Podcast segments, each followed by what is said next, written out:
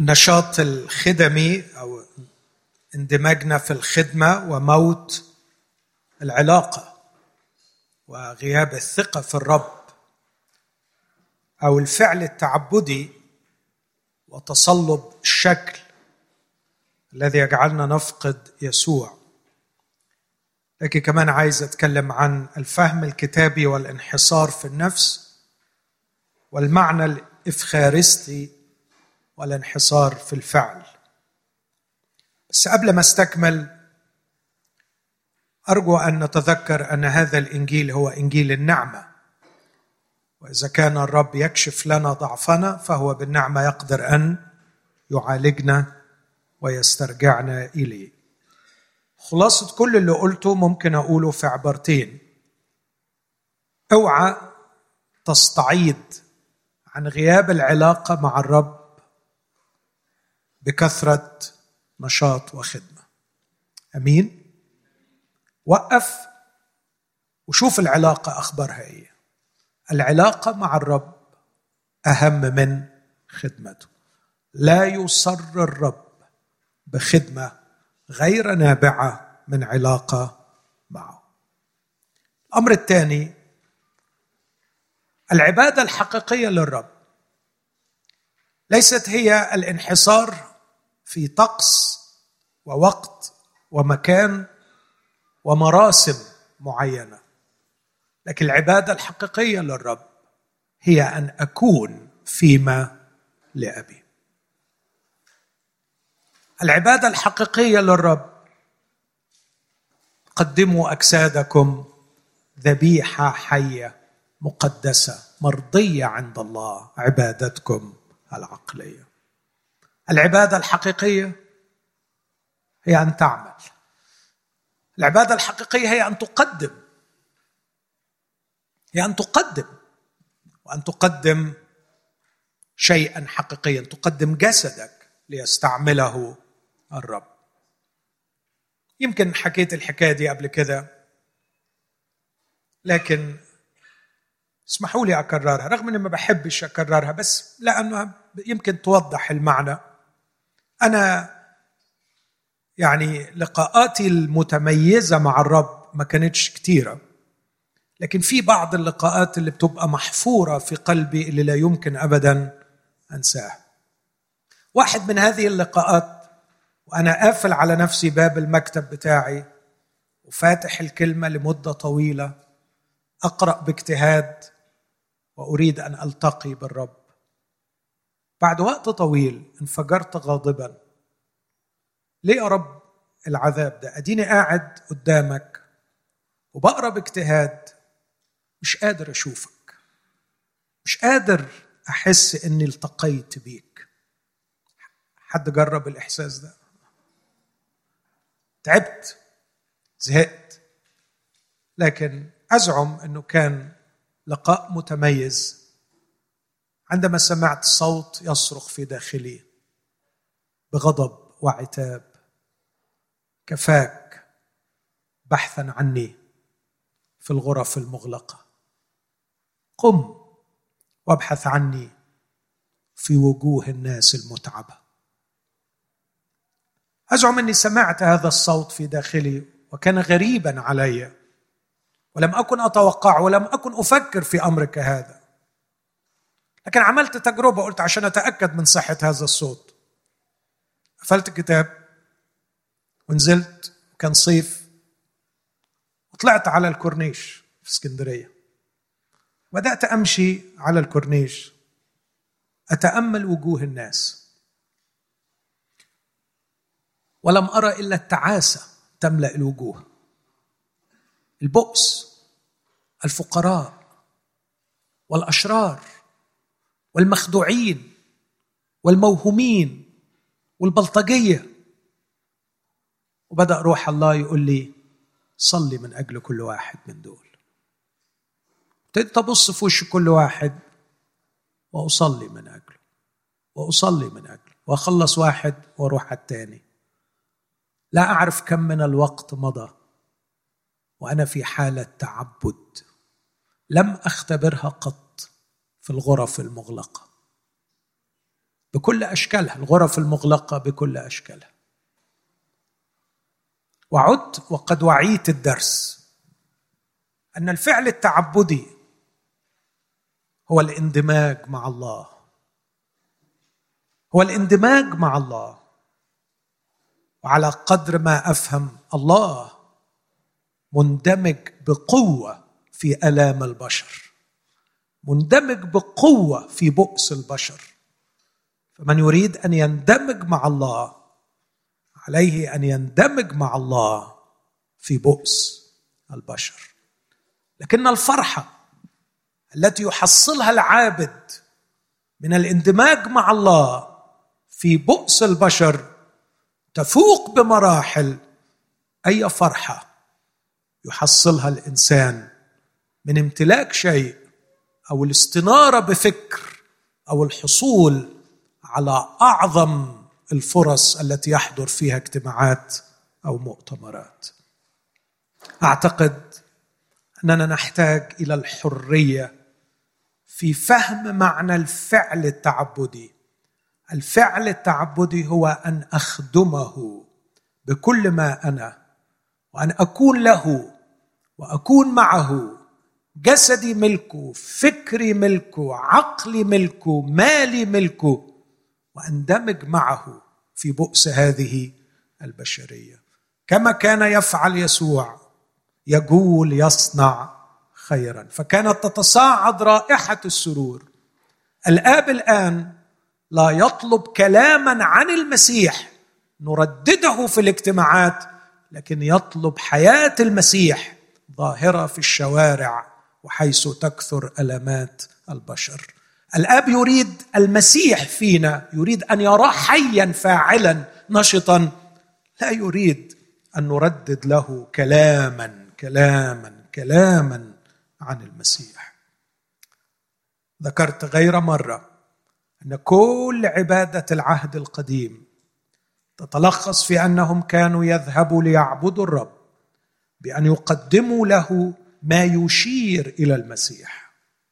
على أمل أن تأتي الكنيسة ويأتي الساجدون الحقيقيون ليقدموا للآب لا ما يشير إلى المسيح. فريق ودقيق وذبايح يقدموا إلى الآب المسيح شخصيا. للأسف الشديد لم نعد نقدم ما يشير إلى المسيح ولم نعد نقدم المسيح لكن كل ما نقدمه كلاما عن المسيح. هذه هي كارثة العبادة. العبادة الحقيقية أن نقدم المسيح. في لمسات حانية للمحتاجين في طاعة للآب في أي إرسالية يرسلنا لها في طاعة الآب في التفاصيل اليومية تفاصيل الحياة البسيطة طاعة الآب في الخفاء في السر والعلن. طاعة الآب عندما يقدم الكل تحت أمره على المذبح لا ليركن طول الأسبوع بل يستعمل في كل لحظة.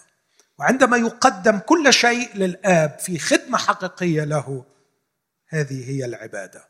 وإلا سنكون نحفظ العيد ويغيب عنا صاحب العيد ونفقد شخص يسوع. لكن أنتقل للقصة الأخرى. ويعني مجرد للتذكرة علشان تشوفوا جمال الكتاب. برضو اثنين اثنين كانوا مش بقى صاعدين إلى أورشليم لكن في نهاية الإنجيل اثنين راجعين من أورشليم. اثنين صعدوا إلى أورشليم ورجعوا معذبين. اثنين نازلين من أورشليم وهما عابسين. والعجيب إنه في علاقة برضه اتنين كان معاهم يسوع وفقداه واتنين كان معاهم يسوع ولم يعرفاه. غريبة قوي ثلاثة بقيوا اتنين فحزنوا. واتنين بقيوا ثلاثة فلم يفرحوا.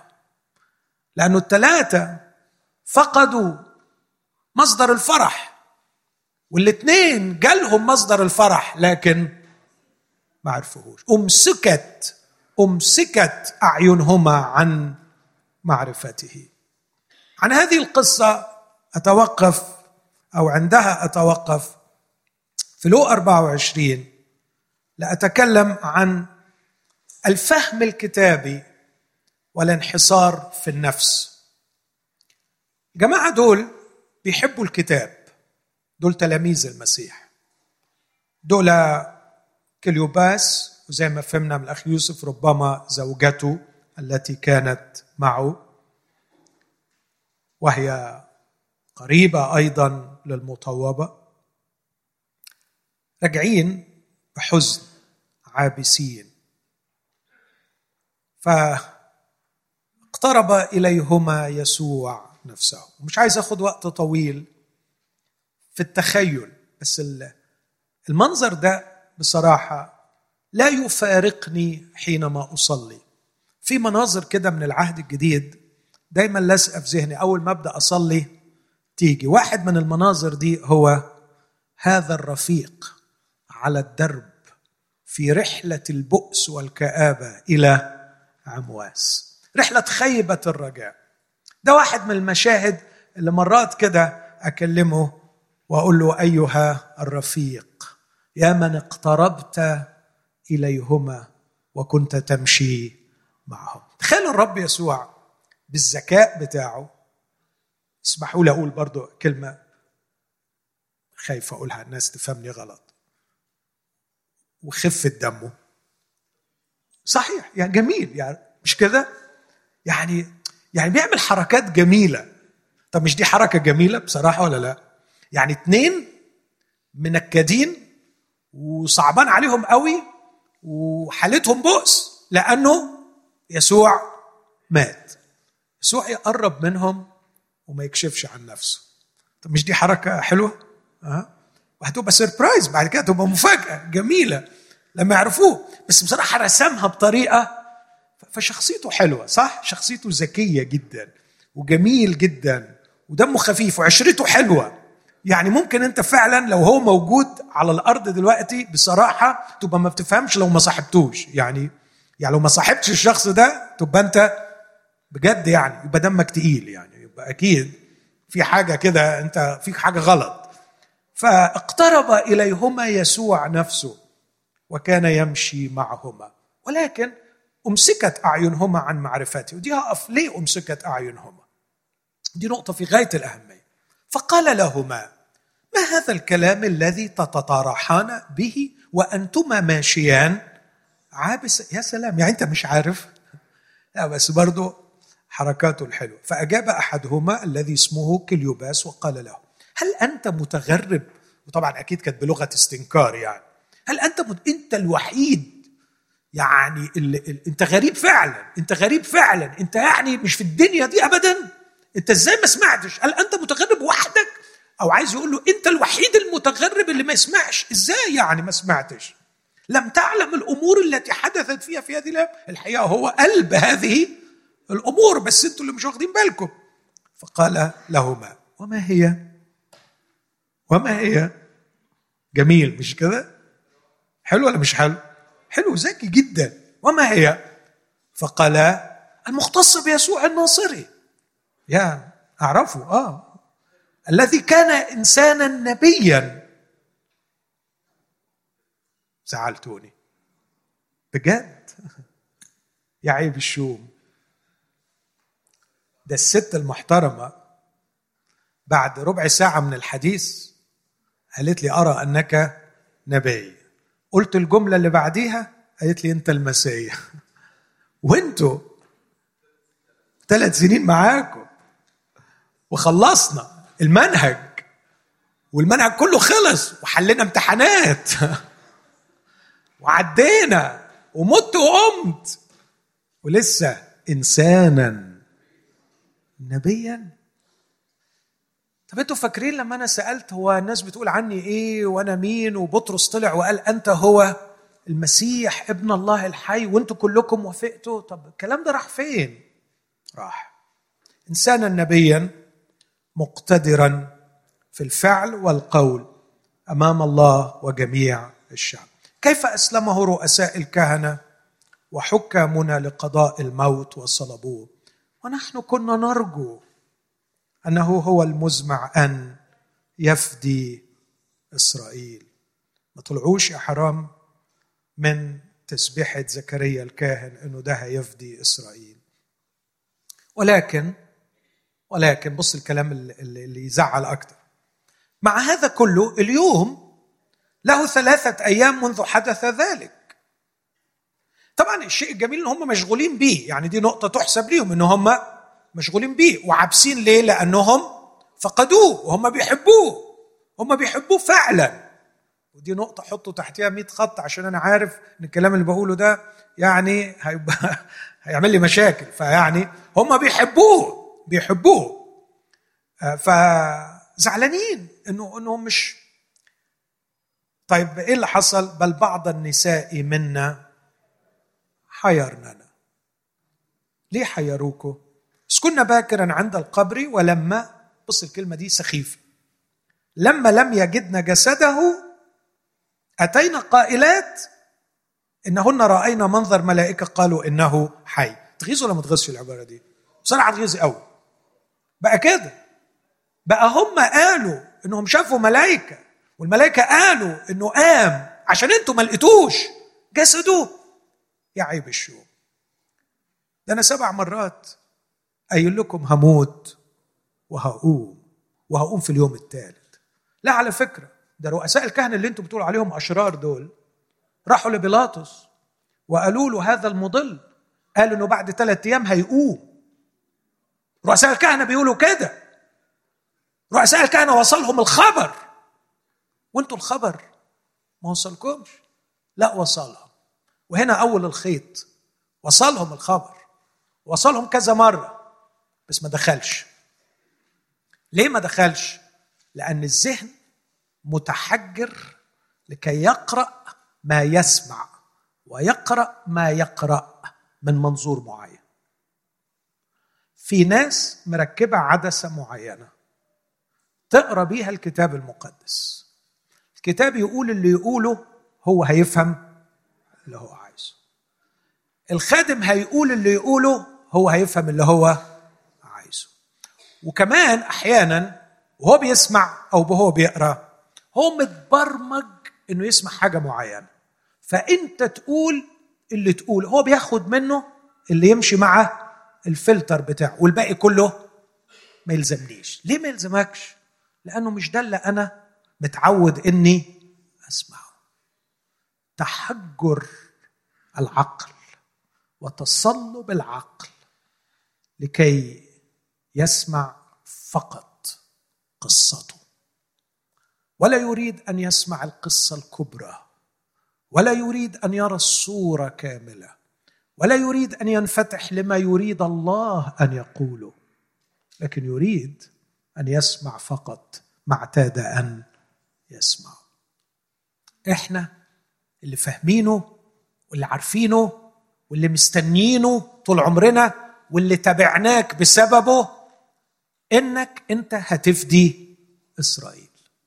وهتخلص إسرائيل وخلاص إسرائيل مش لغز هنحتار في تفسيره. خلاص إسرائيل ببساطة خلاص سياسي. إنك تحررنا وتجيب لنا ابن داوود اللي هو أنت تعمل إيه؟ تملك عليه. بس هو كده هي كده. أي كلام بقى تاني غير كده؟ مش حق. مش حق. هو ده الحق. عندك الحق ده؟ قوله. ما عندكش ما يلزمناش. خلاص هي خلصت على كده. يا إخوانا بس في نبوات تاني في موسى والأنبياء بتقول إن المسيح هيقوم وبتقول إن المسيح للأمم ودي فهموها هم وحاججوا بها في مجمع أعمال 15 لا لا لا لا بس هو كده. وانغلق الذهن وعشان كده الكتاب ما يخلصش هذا الأصحاح من غير ما يقول حينئذ فتح ذهنهم. لقد تحجر الذهن لكي لا يقرأ الكتاب إلا من منظور واحد وده أمر في منتهى الخطوره وبعدين يقولوا ومضى عدد 24 ومضى قوم من الذين معنا إلى القبر فوجدوا هكذا كما قالت أيضا النساء. وأما هو فلم يرى طب وأنتوا بقى عملتوا إيه لما سمعتوا الكلام ده. خلاص خدنا بعضينا ورجعنا. اخص عليكم. بجد. بجد حاجة تزعل. بجد حاجة تزعل. يعني إيه؟ يا خلاص خلصت الحكاية. خلاص هنعمل إيه يعني؟ يا جماعة في موضوع خطير. الشخص اللي أنتوا حبيتوه وتبعتوه كل المدة دي في ناس بتقول إن هو قام طب على الأقل فضلوا لكم يوم ولا اتنين تاني لغاية ما تتأكدوا. من صحة الموضوع. يعني هو كده خلاص خلاص خلصت الحكاية.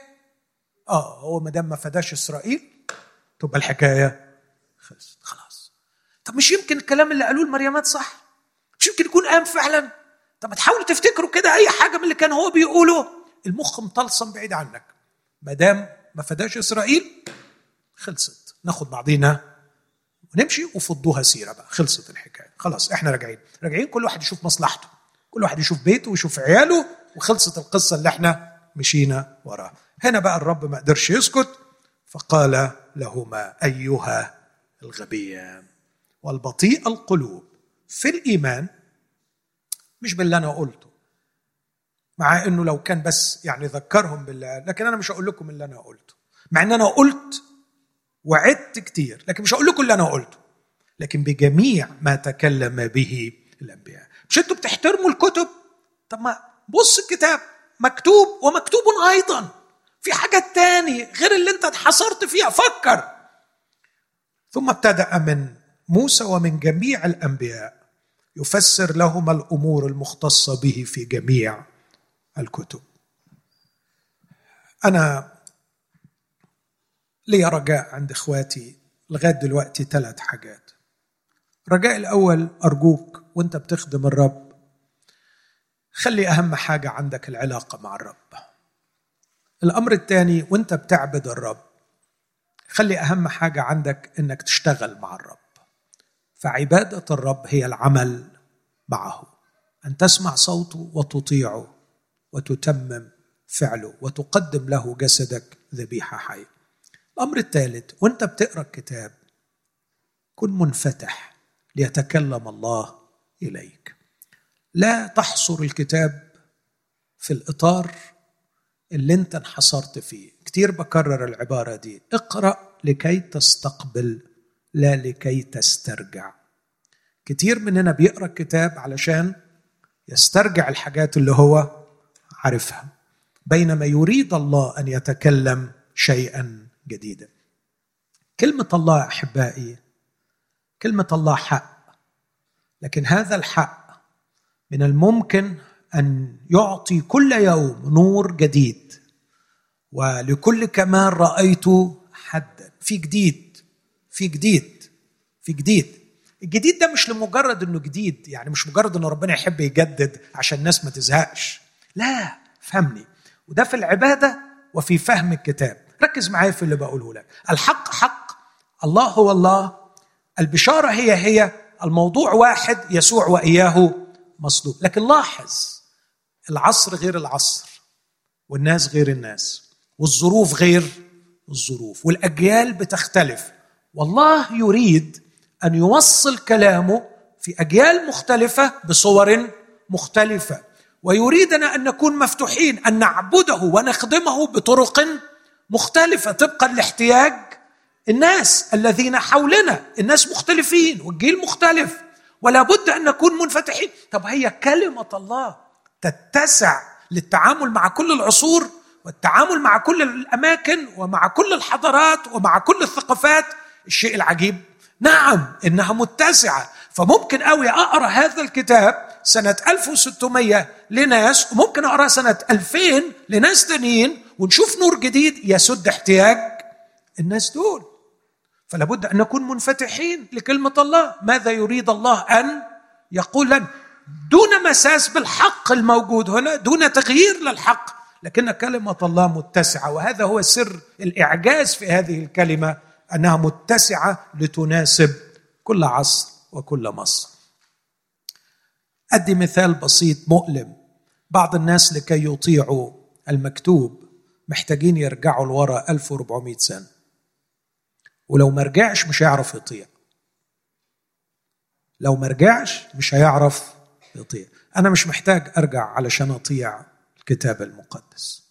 لكن أقدر أطيع الكتاب المقدس الآن في 2016 وأخاطب به كل العقول وكل الثقافات وكل المستويات لأن هذه هي كلمة الله. الناس دول كانت مشكلتهم أنهم منحصرين. اقتربوا إلى القرية التي كانا منطلقين إليها وهو تظاهر كأنه منطلق إلى مكان أبعد.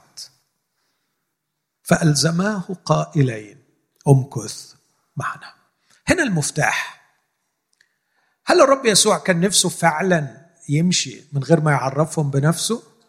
مش بقول لكم حركاته لذيذة بيعمل حركات صح؟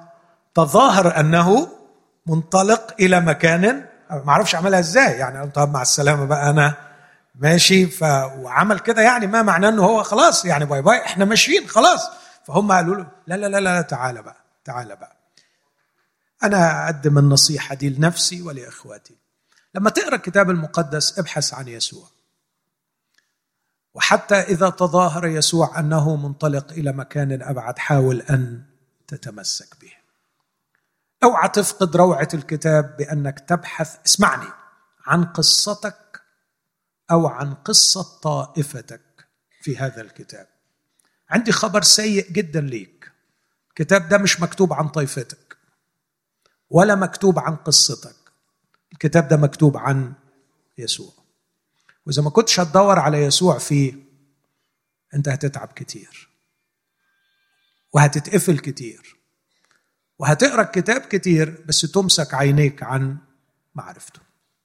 أدي مثل لشخص يقرأ الكتاب بحثا عن قصته وشخص آخر يقرأ الكتاب بحثا عن قصة طائفته. وهذا وذاك سيخسران روعة ونضارة كلمة الله. اللي بيقرأ الكتاب علشان قصته مسكين فعلا حاسس ان هو مركز الكون. هو الكتاب ده كله مكتوب عني أنا عن مشكلتي. يعني مثلا لما أكون بعاني من مشكلة عائلية أفتح الكتاب ألاقي قصة جوازة. عندي مشكلة نفسية أفتح الكتاب ألاقي حاجة عن مشاعري وعن عواطفي. وأدور في الكتاب وكأن الكتاب مكتوب عني. لا الخبر اللي مش حلو الكتاب مش مكتوب عن حضرتك. معرفش ده يزعلك قد إيه بس هي دي الحقيقة. أقولها المرة الثالثه الكتاب مش مكتوب عنك. الكتاب ليك. الكتاب ليك. لكن الكتاب مش عنك. الكتاب ده مكتوب عن عن المسيح. عشان كده لما تقرأ الكتاب قول فين المسيح. بدي المثل ده. ده دي حلقة تلفزيون في قناة مسيحية شفتها وأنا في أمريكا مرة. كنت في أوتيل وفتحت أتفرج على قناة مسيحية أقول أشوف الناس دول بيقولوا إيه. فلقيت واحد بيوعظ وبيحكي اختبار شخصي جميل جدا للضيف بتاعه وبيقول له أنا آه، قررت كده إنه أدور على فيرس على عدد أعيش بيه كل حياتي. ادي أول غلطة. أنا مش باخد عدد أعيش بيه كل حياتي. أنا المفروض كل الكتاب بعيش بيه لأنه كل الكتاب نافع للتعليم. فبيقول لقيت متى 19 26 وتتصور بقى إن هو ده السنة اللي أنا اتولدت فيها. 1926 متى 19 26 بيقول كل شيء مستطاع لدى الله.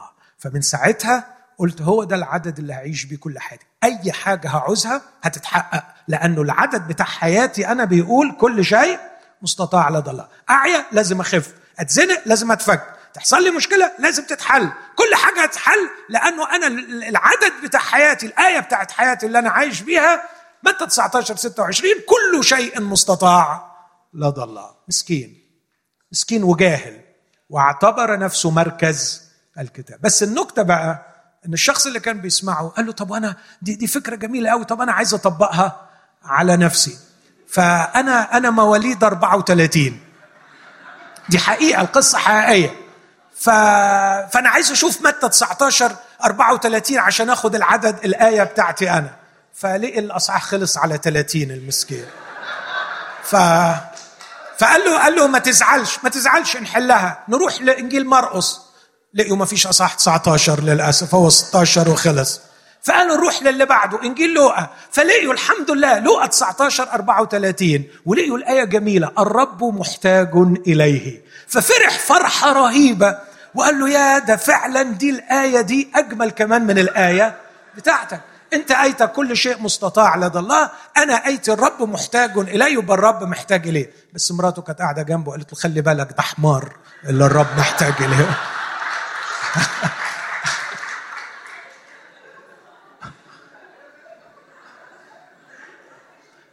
دي مش نكتة دي حقيقة حصلت. ده ده اسمه اسمه تهريج. اسمه تهريج.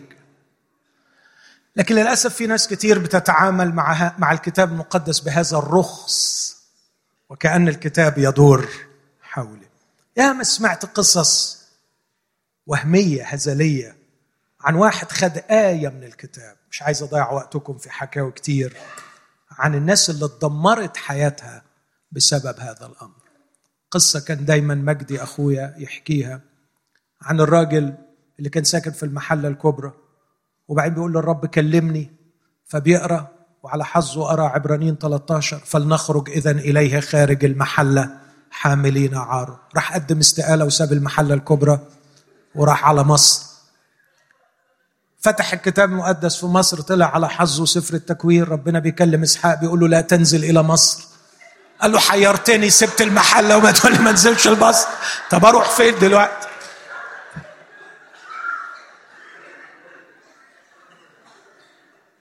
هزل هزل.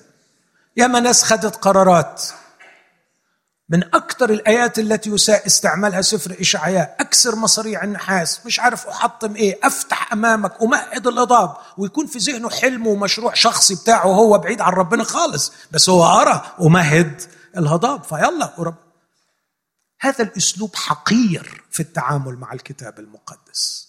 الكتاب المقدس لا يحكي قصة حضرتك مهما كانت عظمة حضرتك. الكتاب المقدس قال عنه يسوع مكتوب. عني. لو في واحد وحيد يقول الكتاب ده مكتوب عنه فهو يسوع. هنذا جئت في درج الكتاب مكتوب عني.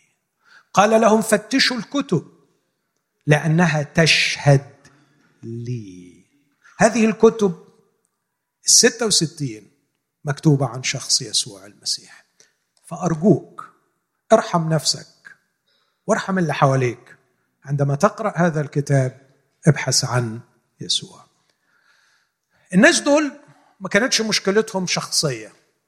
ما كانتش القصة الصغرى قصتهم الشخصية لكن كانت القصة الصغرى قصة شعبهم. واليوم في ناس بتقرأ الكتاب بحثا عن قصة طائفتهم. يقرؤون الكتاب فقط لكي يروا من التكوين للرؤية فقط فقط ما يؤكد صحة العقائد التي تميزهم كطائفة. وده شيء مخيف. اختزال القصة الكبرى إلى قصة صغرى.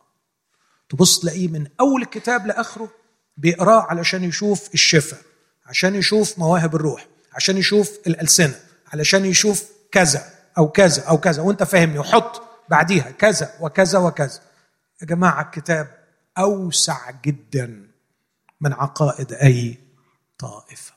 كتاب كبير وهناك قصة كبرى قصة قصد الله في الخليقة من البداية وإلى النهاية. فحاول أن تبحث عن القصة الكبرى اللي قصتي أنا الصغرى هي جزء منها.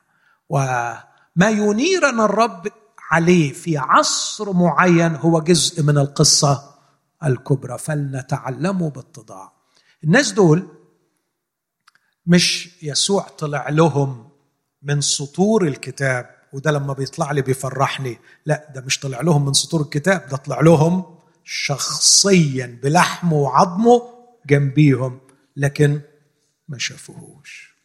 ليه؟ لأنهم كانوا يبحثون عن إسرائيل. وليس عن يسوع. كنا نرجو أنه هو المزمع أن يفدي إسرائيل. هي الحكاية من أولها لآخرها إسرائيل. طالما ما فداش إسرائيل يبقى ما فداش. يبقى ما فداش. عندما نختزل القصة الكبرى إلى القصة الصغرى سواء قصتي أو قصة طائفتي أقرأ الكتاب بذهن مغلق. واحتاج إلى عمل معجزي من الرب يفتح ذهني لنفهم الكتب. نفهم الكتب نفهمها من خلال المفتاح الرئيسي يسوع المسيح. لكن آخر حاجة دخل يسوع مكث معهما. فلما اتكأ معهما لاحظوا هنا اللي جاي ده الرب يسوع مش بيعمل الميدة مش بيعمل كسر الخبز. الرب مارس معهم كسر الخبز قبل الصليب. لكن عمل حاجة تشبه شوية عمل حاجة غريبة. ما اعتقدش إنه مجرد صدفة إنه الرب قصد إنه تنفتح الأعين في هذا الفعل. يقول فلما اتكأ معهما أخذ خبزا وبارك وكسر. نفس النص اللي اتقال عن العشاء. هذا سلمت إليكم ما تسلمت. أن الرب يسوع في الليلة التي أسلم فيها أخذ خبزا وشكر وعمل إيه؟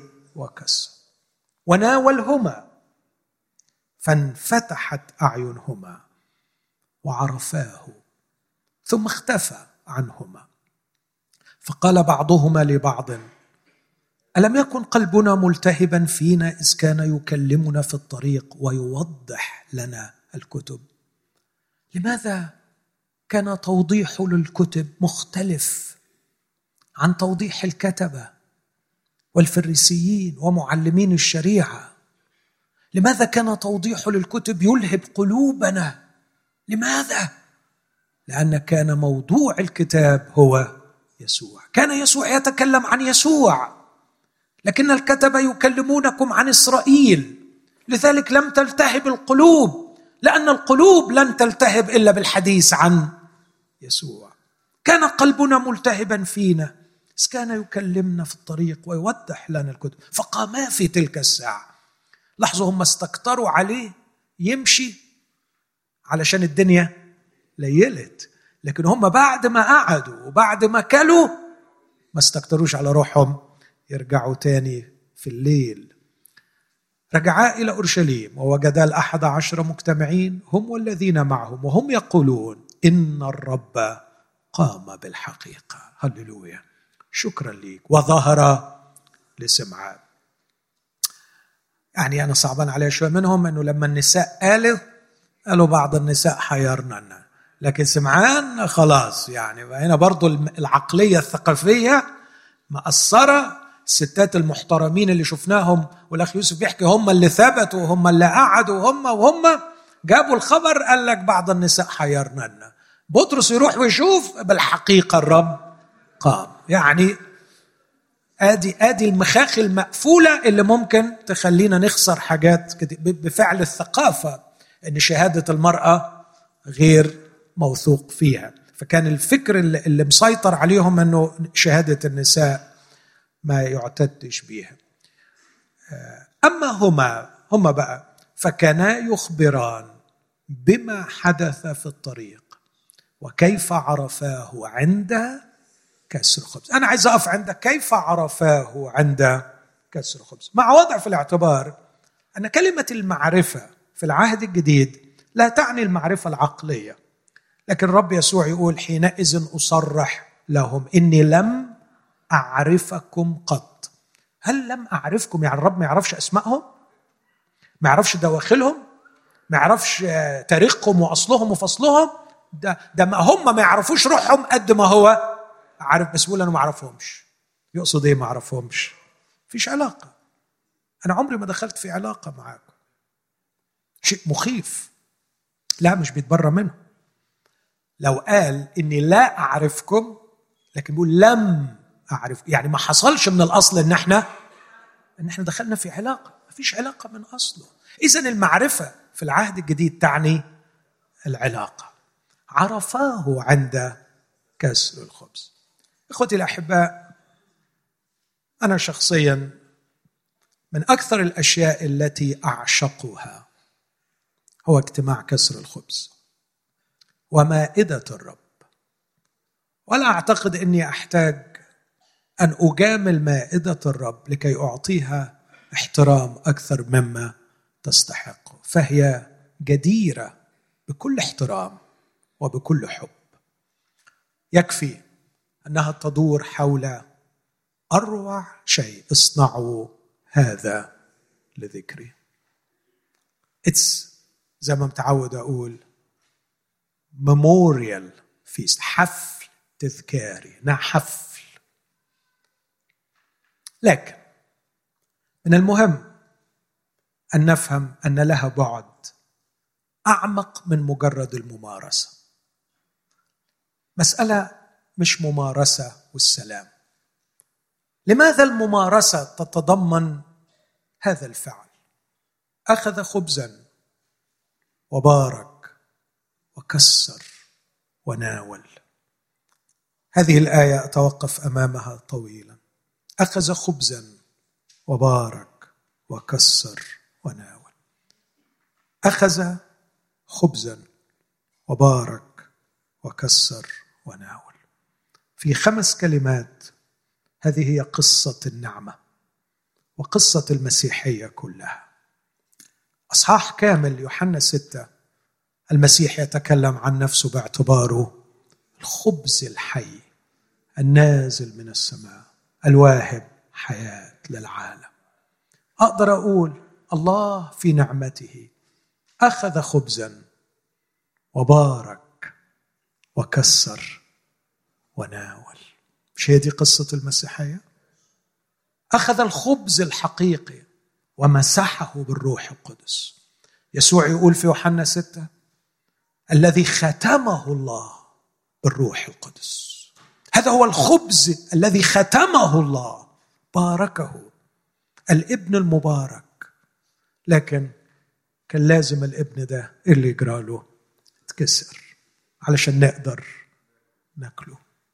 ونشبع بيه. ونحيا بيه. في اجتماع المائدة نحن نحتفل بقصة النعمة. قصة النعمة قصة الحب. قصة أروع حب عندما أخذ الله ابنه وباركه وكسره وناولنا إياه لنطعم عليه. القصة العظيمة دي نمثلها ونجسدها في هذه الممارسة. لكن ما تنسوش إن الكنيسة نفسها صارت خبز.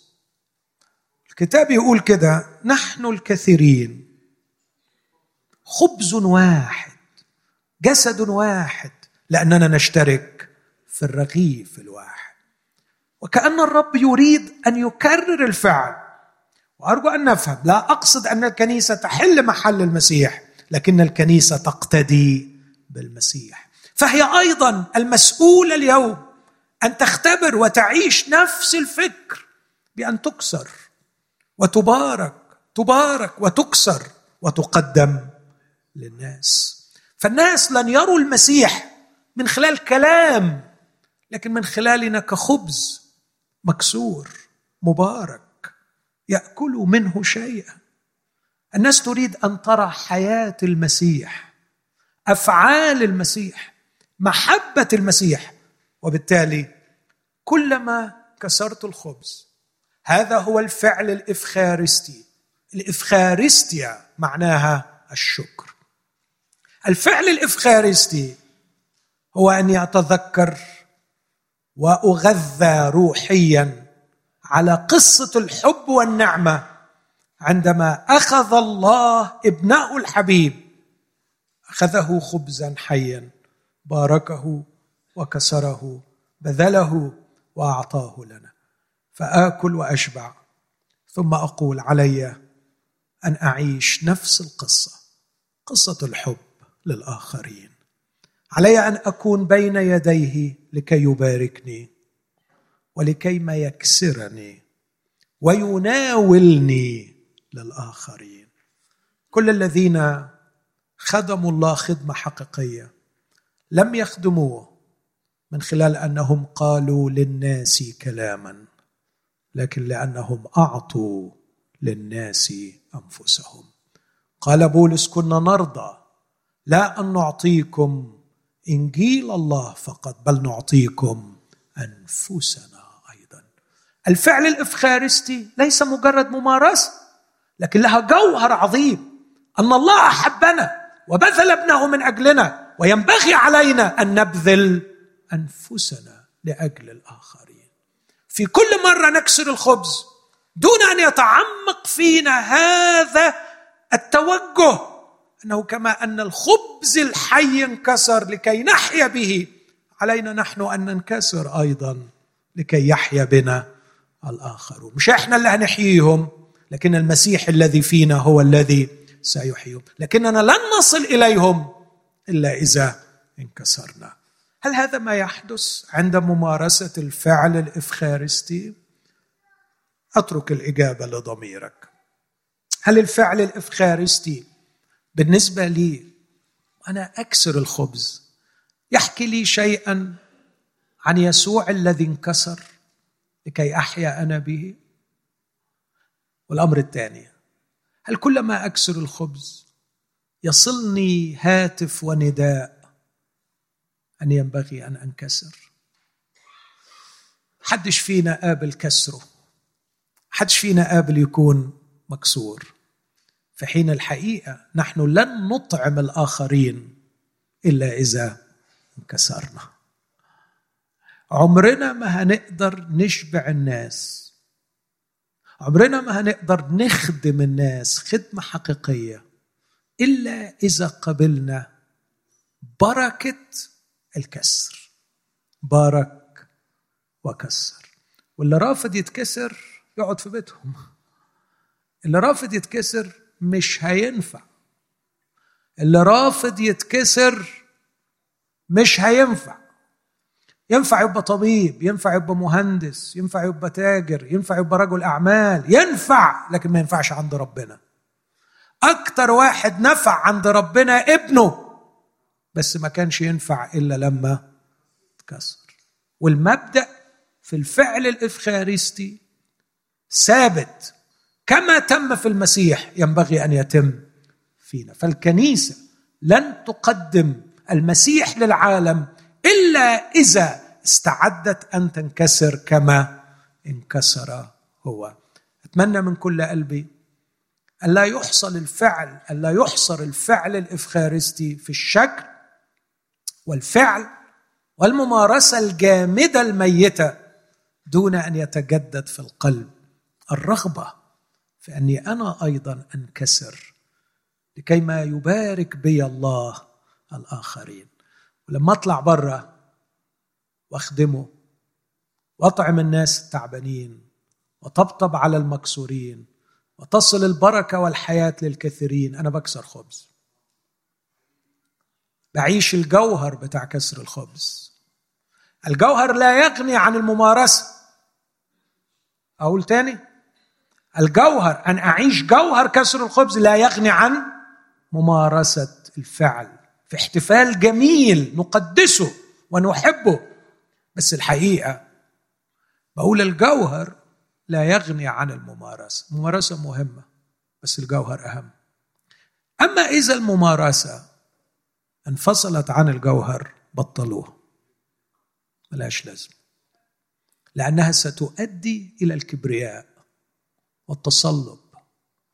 ونبقى نهتم كثيرا بكسر الخبز ولا نهتم بكسر القلب أو بكسر الحياة لكي يطعم عليها الآخرون.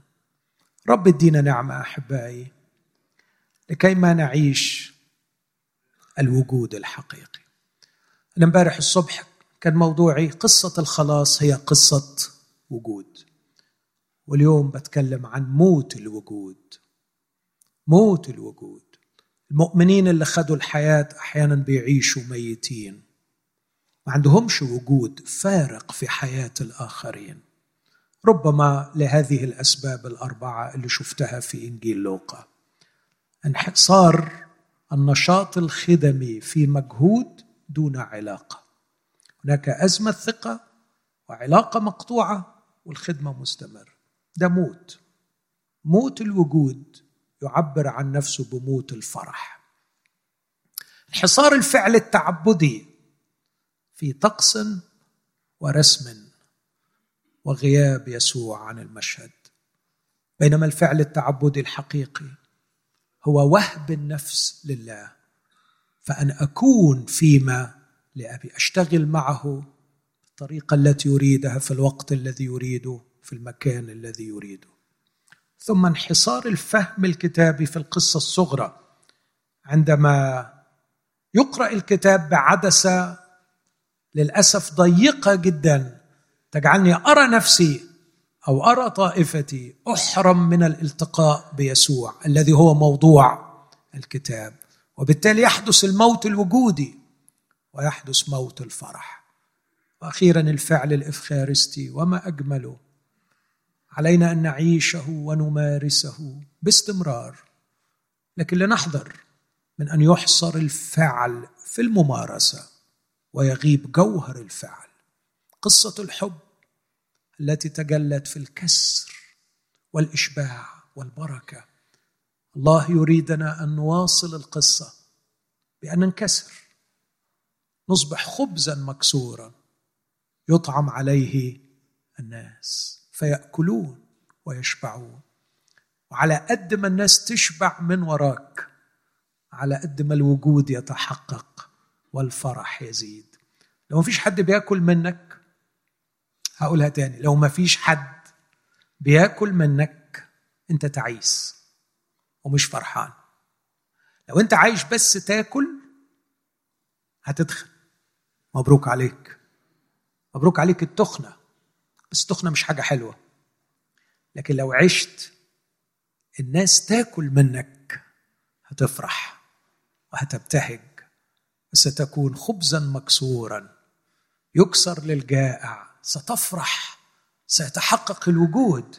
هتبقى بتنام بالليل انت منهك بس فرحان لأن في ناس قطفت منك وكلت الرب ادينا نعمة لكي نفهم هذه الرسالة وأختم بما بدأت به وأؤكد عليه. هذه مجرد قراءة عقل. قد تكون قراءة صحيحة وقد تكون قراءة خاطئة.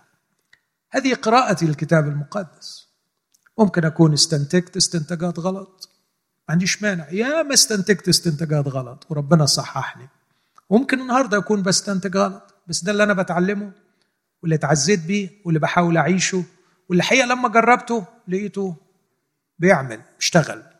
بقوله لك ممكن تفحصه ممكن تجربه ممكن تلاقيه بينفع ممكن تلاقيه ما بينفعش. إذا لقيته بينفع صلي من أجلي. قول له يا رب باركه واديله أكتر. وإذا لقيته ما ينفعش قول له يا رب اهديه. والصلوتين على فكرة أنا محتاجهم. ممكن تقول له يا رب باركه وممكن تقول يا رب اهديه وأنا فرحان بالصلوتين والرب يبارككم ويهديكم.